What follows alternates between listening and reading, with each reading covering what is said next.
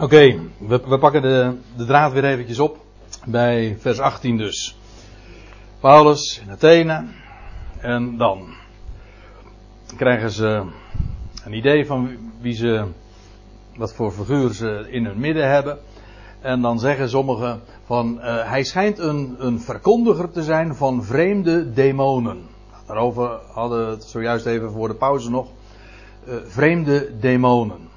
Gewoon, dat is het gewone, standaard Griekse woord, neutraal. Ik vind dat belangrijk om te, op te merken. Het neutrale woord voor hun goden. Ze waren daarmee dus helemaal niet uh, aangevallen.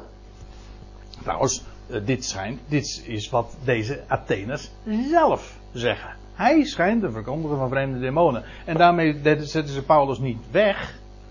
Nee, dat was gewoon wat zij dachten. Vreemde demonen demonen, dat wil zeggen goden, waarvan we er zoveel hebben. Maar hij vertelt van namen, hij noemt namen van demonen die wij niet kennen. Nou, daar waren ze niet zo van, op zich niet zo van onder de indruk. Want ze hadden een gigantisch pantheon, zoals dat heet. Hè? Een, enorme hoeveelheid van, van goden. Dus ja, er kan er altijd wel eentje meer, eentje meer of minder, dat maakt niet uit. Maar dan nog iets. Want er staat, hij schijnt hè, eh, een, een verkondiger, een aankondiger te zijn van vreemde demonen. Want staat er, hij bracht het evangelie. Dat is eigenlijk in het Grieks gewoon één woord. Dat is dit woord. Hij evangeliseerde. Dat is één woord. Hij, hij, bracht, hij bracht het goede bericht. Hij evangeliseerde ons woordje evangeliseren is dus eigenlijk ook, komt eigenlijk ook uit het Grieks. Ja, het, het woord evangelie is een Grieks woord. En, en zelfs deze manier van uitdrukken als werkwoordsvorm, iseren, komt ook uit het Grieks. Hij evangeliseerde, hij bracht als goed bericht uh, Jezus, van de Jezus en de opstanding, de anastasis moet even de logica proberen te pakken van, van wat zij hier zeggen. Hij schijnt een verkondiger van vreemde demonen te zijn, want hij bracht, hij evangeliseerde, hij bracht iets als goed bericht, namelijk van Jezus en van de Anastasis. Ik zeg het nu even zo, waarom? Omdat zij het hebben over demonen die zij niet kennen. Zij hoorden twee namen. Namelijk Jezus, die naam kenden zij niet ik bedoel, ja, hij was hier niet in een Hebreeuwse omgeving. Kijk, in de Hebreeuwse omgeving kende men de naam Jezus, uh, of uh, ja, Jezus, Joshua maar al te goed. Dat was een Hebreeuwse naam. Maar hij was hier in een Griekse omgeving en zij hoorden, hij had het de hele tijd maar over een naam Jezus. En ze hoorden nog een andere naam en dat is, of dat dachten zij kennelijk, dat het een naam was, namelijk Anastasis. Maar Ana betekent naar boven en stasis betekent staan, dus eigenlijk opstaan. Vandaar dus opstanding. De logica is zo, dat ze denken aan vreemde demonen, omdat zij hem twee namen hoorden bezigen, of twee begrippen iedere keer uh, hoorden vertellen, die zij verstonden, begrepen als twee namen. Namelijk van Jezus en van opstanding. En, hoewel dit natuurlijk een misvatting was, is daarmee uh, wel gezegd dat ze in ieder geval de twee uh, kernbegrippen uit Paulus' evangelie, zijn goede bericht, hebben ze wel gepakt. Ze, ze hadden de klok, laat ik het anders zeggen, ze hadden de klok horen luiden, ze wisten alleen niet waar de kleper ligt. Inderdaad, wat Paulus bracht, dat ging over Jezus, Yahweh die redt. En ging over opstanding. Niet als iemand, uiteraard. Hoewel Anastasia, eh, zelfs uh, nou in de Grieks, in de Engelse Anglo-Saxische wereld is Anastasia ook een, uh, natuurlijk een naam. En terwijl ik het zo zeg, weet ik dat je, je had een schip van operatie mobilisatie, die heette ook zo, Anastasia. Of Anastasis. Maar zij dachten dus dat uh, ze van doen hadden met die vreemde goden, de demonen. Dat is wat zij hadden begrepen. En nu willen zij meer weten. En zij namen hem mee, ze pakten hem vast. Soms kan dat zelfs in het uh, boek Handelingen zie je dat ook uh, met geweld zijn. Dat is hier waarschijnlijk toch niet de gedachte. Maar het idee is vooral, ze pakken hem vast. Ze namen hem bij de hand. En zij brachten hem naar de Areopagus. Nou, die Areopagus. Letterlijk, dat, is eigenlijk, uh, dat zijn, zijn, twee woorden zoals u hier ziet. Areopagus. Dat, dat uh, Ario, dat heeft te maken uh, met Ares. Met, vermoedelijk tenminste is dat gedachte van, die van Mars. Het is de heuvel van Mars. De rots of die op verhoging van Mars. Dus een, uh, als ik me niet vergis, is, een, is de Areopagus een, een, hoogte van 130 meter of zo. Ik meen dat uh, mij nog te herinneren. Ik ben er toen ooit eens een keer op geweest. Ja, er is nu weinig meer van over. Maar wat was die Areopagus? Dat was trouwens nu, eh, dat las ik vanmiddag, dat, dat wist ik helemaal niet. Maar nu nog steeds heet het Griekse parlement de Areopagus. Nee, ik zeg het verkeerd. Het was niet het parlement, het Griekse uh, Hooggerechtshof. Het Hooggerechtshof van Griekenland, dat is de Areopagus. Hoewel het niet zetelt uh, op deze locatie, maar in ieder geval het heeft nog steeds diezelfde naam. En ook hier is het het gerechtshof. De Areopagus, dat was de plaats waar niet alleen maar recht gesproken was, dus in die stad, maar het was ook een raad van toezicht. Dat wil zeggen, ook, ja, daar zaten de wijze heren, die als daar bijvoorbeeld iets nieuws gebracht werd, uh, zij beoordeelden dat. Dus, want ja, het is geen, het is geen rechtszitting wat, wat hier plaatsvindt. Ik bedoel, zij beschuldigen Paulus niet van een misdaad of zo. Ze zijn, ze tonen interesse en ze nemen hem mee naar de Areopagus. Maar dat was dus inderdaad het gerechtshof, of het raad van toezicht. In ieder geval hoge heren die daar zitten. En die dus uh, nou, mochten beoordelen wat Paulus te melden had. En ze namen hem mee. Waaruit dus ook wel blijkt, we hadden het zojuist in de pauze er al even over, dat Paulus toch een Jood zijnde, maar hij met, zijn, met dat wat hij bracht, ja, heeft hij indruk gemaakt. Toch in ieder geval, die man die weet van wanten, die, die heeft wat te melden. Anders zouden ze hem echt niet naar de Areopagus hebben meegenomen. Nou, ik heb nog twee plaatjes. Nou, er is nu weinig meer te zien. Uh, van die Areopagus, van de glorie die het ooit had. Maar dit is wat er nog van overgebleven is. En uh, wat trouwens wel heel boeiend is, als je vanaf de Areopagus vandaag nog kijkt, dan zie je dit. De Acropolis, zo moet je het uitspreken, de, dat is eigenlijk de stadsburcht. Wie, heeft, wie herkent dit? Jullie zijn er ook wel eens geweest, Pieter Dora? Nee? En uh, dus als je op deze plaats staat, dan kijk je omhoog. En dan zie je deze, ja, het is eigenlijk gewoon de stadsburcht. Machtig gezicht. Hier zie je nog, om een indrukje te hebben van de, hoe groot dat toch ook is, van uh, stel mensen die hier staan kennelijk. Maar dat uh, moet enorm imposant geweest zijn in die dagen.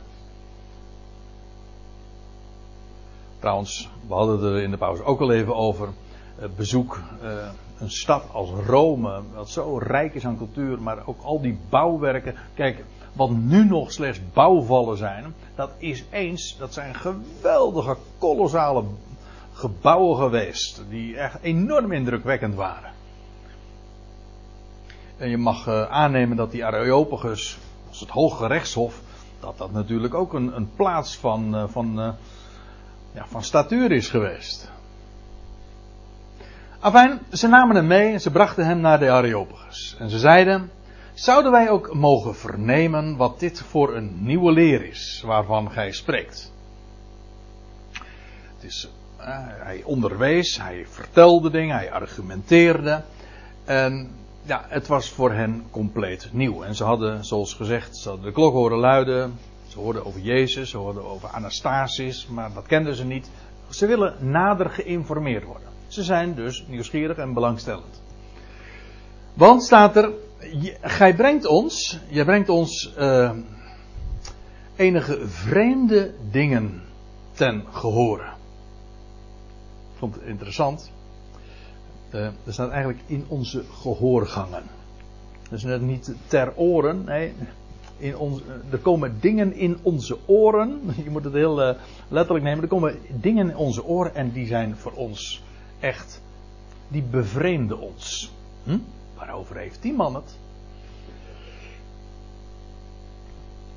En wat voor hen natuurlijk vooral een wezensvreemd uh, begrip is geweest, dat is dat Anastasis. We zullen dat straks aan het einde van het. Uh, nou ja, straks. Dat wordt de volgende keer. Maar aan het einde van de toespraak.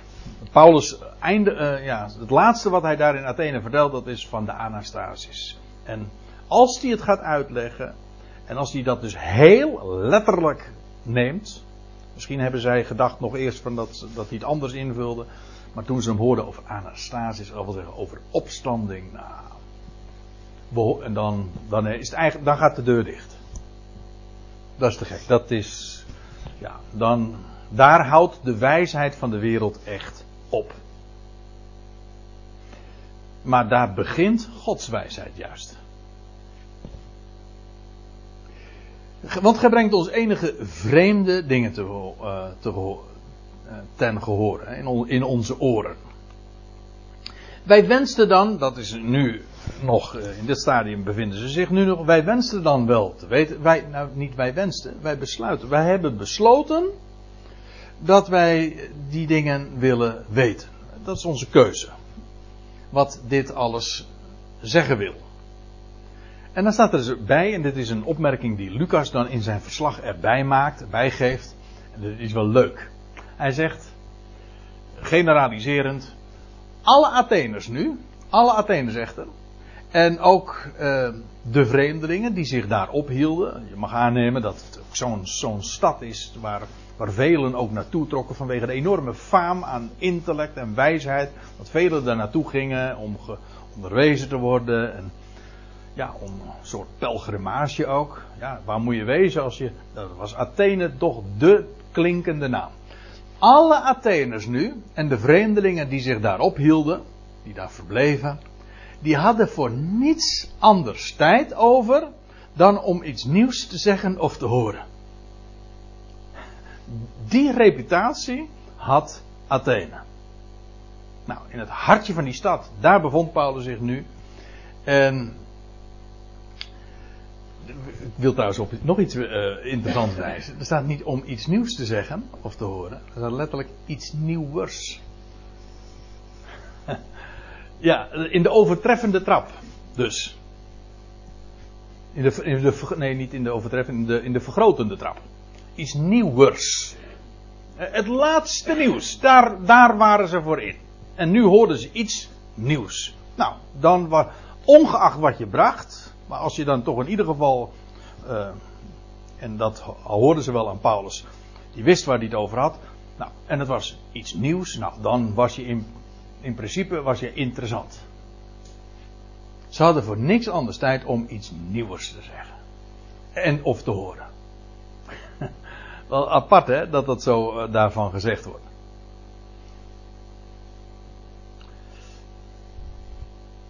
Nou, en laat ik u dit zeggen. Paulus had nieuws. Ik heb juist afgelopen zondag in Urk, of op Urk moet ik zeggen, gesproken over uh, Prediker 1. En dat had als thema niets nieuws. Waar, Paul, Prediker zegt er is niks nieuws onder de zon. Dat denk je alleen maar, maar het is niks nieuws. Alles, alles wat we zeggen wat, wat hier nieuw is, dat is helemaal niet nieuw. Dat was er al veel eerder. Alleen de uiterlijke vorm verandert, maar in wezen, of het nou wat in de krant staat, of in boeken als nieuws gebracht wordt, het is niet nieuw. Het was er al lang, het is gewoon iedere keer weer hetzelfde rondje, die cirkelgang. Er is wel nieuws, en dat is het goede bericht van Paulus, dat is echt nieuws, een revolutie, een complete omwenteling. Echt nieuws, omdat dat, kijk, alles, waarom is, is er geen nieuws? Omdat alles al een herhaling is van het oude. Maar wat Paulus verdacht, die anastasis, een nieuw begin dat God maakt van onvergankelijkheid, werkelijk, waarbij de dood wordt overwonnen, dat is echt nieuws. Dat is het enige echte nieuws. Wat voor dat begrip in aanmerking komt. Dus ja, nou komt er iemand die echt nieuws te vertellen heeft. En bovendien, het is niet alleen maar God, het is ook eh, werkelijk een bericht. Een goed bericht. Nou, en dan lees je, en Paulus, voor de Areopagus staande. Kijk, in de pauze hadden we het er eventjes over hoe mooi het is als je een interlineair hebt. Als je gewoon woord voor woord kan zien wat er staat. Er staat eigenlijk niet voor, er staat in het midden. Gewoon letterlijk het woordje in het midden. Nou, sorry, maar kijk, ik sta nu voor u. Maar dat is wat anders dan dat je in het midden bevindt. Het is, het is dus heel. Het zo wordt het geformuleerd. Paulus staat daar dus in het midden van de Areopagus. Dus je. Ja? Oké.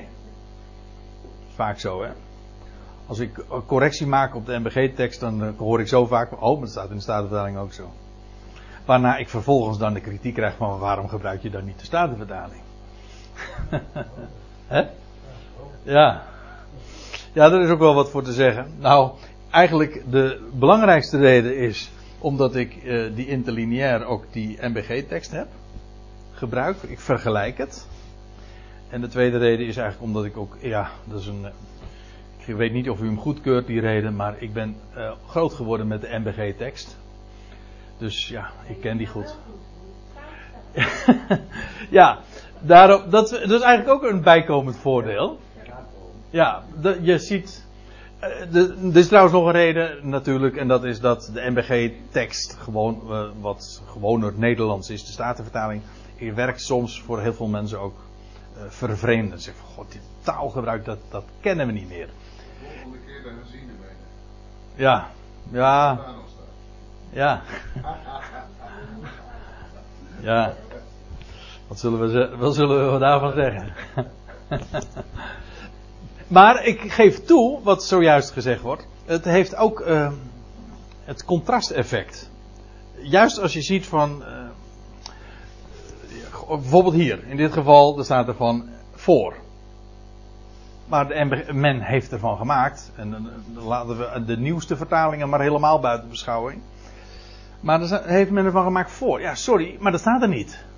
En dat vind ik zo mooi om dan gewoon te. Zo staat het.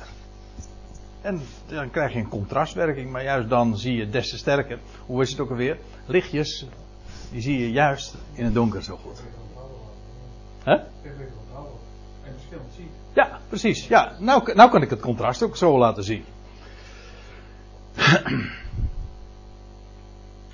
En Paulus, uh, in het midden van de Areopagus staande, dus hij heeft daar, een, mag ik aannemen als ik dat zo letterlijk neem, gewoon een kring van mensen om zich heen. Misschien was dat ook zo gepositioneerd, tafels, weet je veel. In ieder geval in het midden van die Areopagus staat hij dan en dan zegt hij, mannen van Athene. Eigenlijk hij zei, en hier wordt een woord gebruikt, dat is niet alleen maar zeggen, maar dat is met nadruk zeggen. Hij verklaart iets. En dan zegt hij: mannen. Atheners. Ja, het waren, hij spreekt dus een, een, een mannelijke bevolking aan. De mannen die daar, de heren die daar zitten. En hij, hij spreekt ze aan. Met name mannen. Atheners. Ik zie voor mijn ogen. Ik aanschouw het idee is dus niet alleen maar van ik zie het, maar ik, ik heb het echt goed bekeken. Aanschouwen gaat verder dan alleen maar zien. Ik, ik, eh, ik zie voor mijn ogen, ik aanschouw dat gij in elk opzicht, in over, naar alles, buitengewoon ontzag voor godheden hebt. Ja, dat zal mijn uh, afwijking wel uh, zijn, maar als ik zoiets lees, dan denk ik. Uh, je zou ook nog een spatie kunnen lezen tussen God en heden en dan wordt het ineens positief. Maar zo, hè? dat gij buitengewoon ontzag voor God heden hebt. Nee, nee, nee, nee.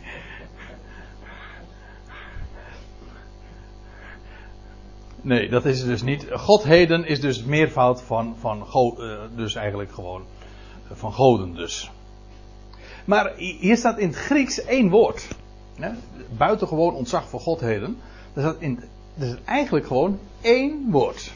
In de interlineair wordt hier uh, vertaald met buitengewoon religieus. Super religieus.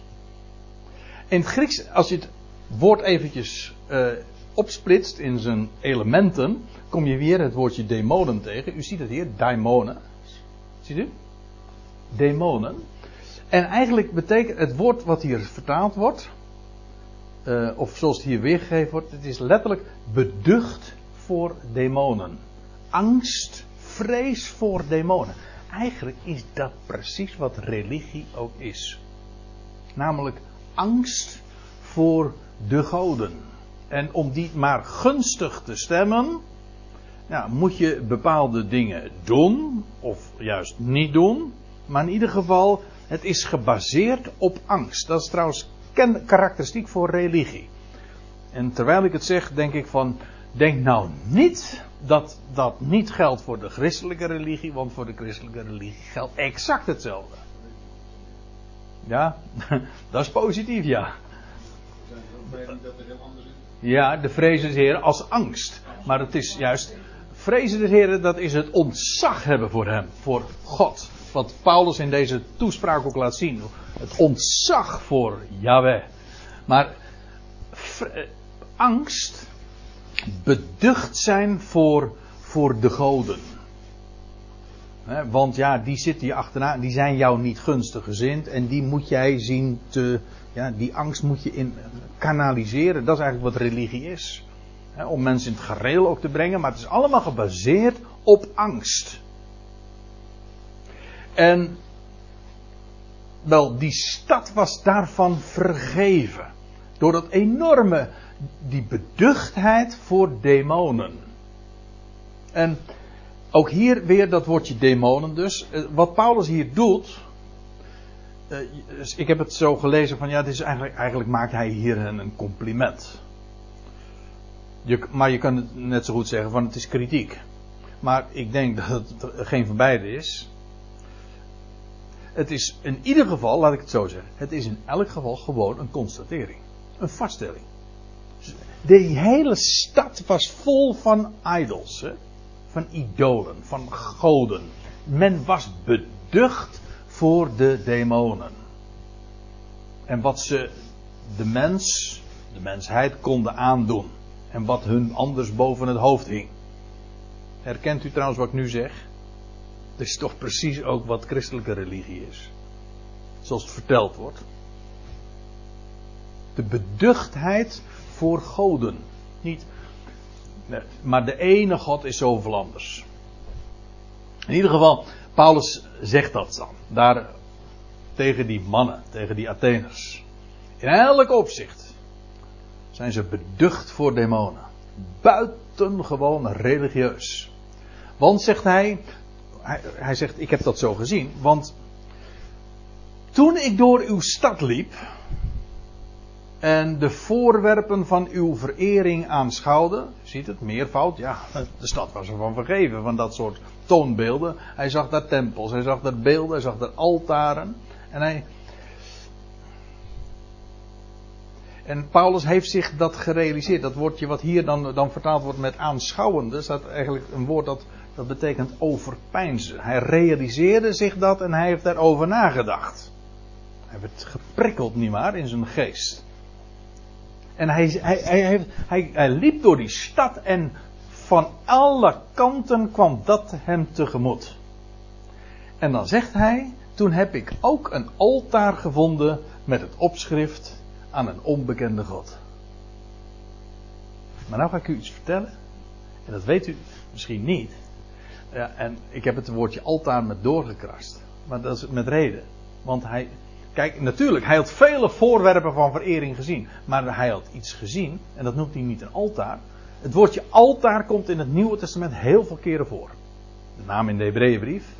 Maar dat is een heel ander woord. Dat is niet dit woord. Hier wordt een woord gebruikt, het Griekse woordje bomos. En dat heeft te maken met, uh, met voet. En dus wat hij ziet is niet. Uh, wat hij gezien heeft is niet een altaar, maar een voetstuk. Gewoon een lege sokkel. Uh, en als je er even over nadenkt, begrijp je ook meteen waarom dat zo staat. Hij heeft daar dus een, een voetstuk gezien. Dus een, uh, hoe noem je dat? Een, een, standaard. Ja, maar niks erop. Nee, hè, hè. Het was een onbekende God. Die kan je niet afbeelden. Kijk, er waren, waren vele beelden van Zeus en van Hercules. Nou, noem ze maar op. Die hadden een bepaalde look. Hè? Die, die zagen er op een bepaalde manier uit. Maar de onbekende God, ja, daar kun, je, die, daar kun je wel iets aan wijden. Maar je kunt hem niet afbeelden. Nou, dat is wat Paulus ziet. Hij zegt, ik heb ook een voetstuk gezien. Niet altaar, een voetstuk. Een, een, een zokkel waar niks op stond. Een lege dus. Maar er stond een opschrift op. Daar was opgeschreven aan de onbekende, of aan, aan een onbekende God. Niet aan de, maar aan een onbekende God. De God die wij niet kennen. Eigenlijk ook hier weer zo'n woord dat we ook allemaal kennen. Leuke woordspeling in dit verband. Namelijk agnost. Agnost betekent je weet niet. U weet, een, een mens, eh, een agnost dat is iemand die zegt van ja, uh, ik weet niet. Hè? Ja, iets is me bijvoorbeeld, we weten het niet. Hè? Of er een God is, ja of nee. Een, een, je hebt atheïsten, dat is ook een Grieks woord trouwens, die gelooft niet dat God er is. Maar een agnost die zegt, ik weet het niet. Nou, hier was het een God. Eh, het was geweest, gewijd aan die, die sokkel. En daar stond, was een inscriptie. En daar stond uh, Theo, gewijd aan God. Maar de God, een God die wij niet kennen. Waar wij onbekend mee zijn. Die we verder, waar we dus ook verder niks van weten. Die we dus ook niet kunnen afbeelden. Uitbeelden. Daaraan was het gewijd. Nou. Dat was voor Paulus een schot voor open doel. Een lege sokkel, gewijd aan een God die we niet kennen. Nou, Paulus. Daarover. Daarover wil ik jullie graag eens verslaan. Nou, let maar op, want hij zegt in hetzelfde vers nog: Wat jullie dan? Zonder het te kennen, dat geven jullie immers zelf aan. Vereren, want ze wijd, het was gewijd aan een onbekende God. Wat jullie dan zonder het te kennen vereren, dat verkondig ik jullie. Precies dat. Een God die jullie niet kennen. Dat was, ja, dat was voor Paulus de, de binnenkomer. Hij, hij ageert, dat is mooi ook hè. Ja, ik vind deze toespraak sowieso in alle opzichten mooi. We, we gaan het de volgende keer ook nog over hebben dus. Maar het is zo fraai zoals Paulus dat ook aanpakt. Kijk, als hij in de synagoge is, we zagen dat eerder in Thessalonica, dan elke sabbat achtereen opende hij de schriften met hen en hij ontsloot, hoe stond het er ook weer? Hij ontsloot de schriften voor hen en, en vanuit de schriften aantoonde hij aan dat Jezus is de beloofde Messias. Hier gaat hij heel anders te werk. Hier is hij in een heel andere, in een heidense omgeving, filosofische scholen, de Areopagus, staat hij in het midden. Hij komt niet met de Bijbel aan. Hij gaat de schrift niet openen. Ja, hij vertelt wel bijbelse waarheid, maar hij refereert, of nee, hij baseert zich niet op de Bijbel. Dat, hij, had, hij kon niet zeggen van ja, ik geloof dat, want, want er staat geschreven, want dat zou geen aansloes hebben. Want ja, die mensen die geloofden, die kenden die Bijbel helemaal niet eens. Ziet u, de boodschap is dezelfde, maar de wijze waarop je dat brengt, die, uh, ja, dat moet wel aansluiten, wil je, wil je werkelijk overkomen bij je hoorders. En Paulus baseert zich niet op de schrift. Hij, brengt met, hij komt met logica, met dingen die, die, die aantoonbaar was, waren. En um, ik wilde nog iets zeggen. Maar dan ben ik even kwijt. Mooi hè, dat er al in voorzien werd, dat hij daar verder of door kon beduren. Ja. Daar was alleen voorzien. Ja, De ene zoveel. Die ja, en, en Paulus heeft daar voor, eh, voor hem, oh ja, dat wilde ik eigenlijk ook ze- eh, nog eh, daarover zeggen. Het is dus, hij kritiseert hen niet. In feite, in die zin kun je dus inderdaad zeggen, hij, jullie zijn buitengewoon religieus. Dus niet door zijn, hij, hij, hij maait zijn publiek niet eh, weg of zo van, waar zijn jullie toch mee bezig? Nee, hij, hij sluit aan bij hun hele belevingswereld, de concepten die ze hebben. Hij zegt, en zelfs bij dat wat ze gewoon hebben vereerd. En dan zegt hij, die, dat vertel ik jullie. En dan, ja, dat is eigenlijk ook het begin van zijn, eh, van zijn toespraak. Maar het is dus, het is een goed bericht wat hij vertelt, maar hij vertelt het ook op een positieve wijze. Ook dat lijkt mij een enorme, eh, eh, ja, zo leerzaam. Als we de apostel van de natie willen navolgen, en dat willen we toch, deze graantjespikker, dan, nou, dan is alleen deze aanpak, deze stijl al zo enorm leerzaam. Die God, die jullie niet kennen, eigenlijk is, daar gaat deze hele boodschap over. Hij zegt, jullie hebben het wel over God, maar jullie kennen God niet. De God. En dat is precies waar hij dan vervolgens over begint. En daar gaan we de volgende keer over verder. De God, ziet u? De God die de wereld maakt. En alles wat daarin is. Die een Heer is van hemel en aarde. Nou ja, dan gaat hij verder. Maar over die God, daar gaat hij het hebben. De ene. Die werkelijk echt ook Theo is. En daar moeten we de volgende keer dan ook maar over hebben. Want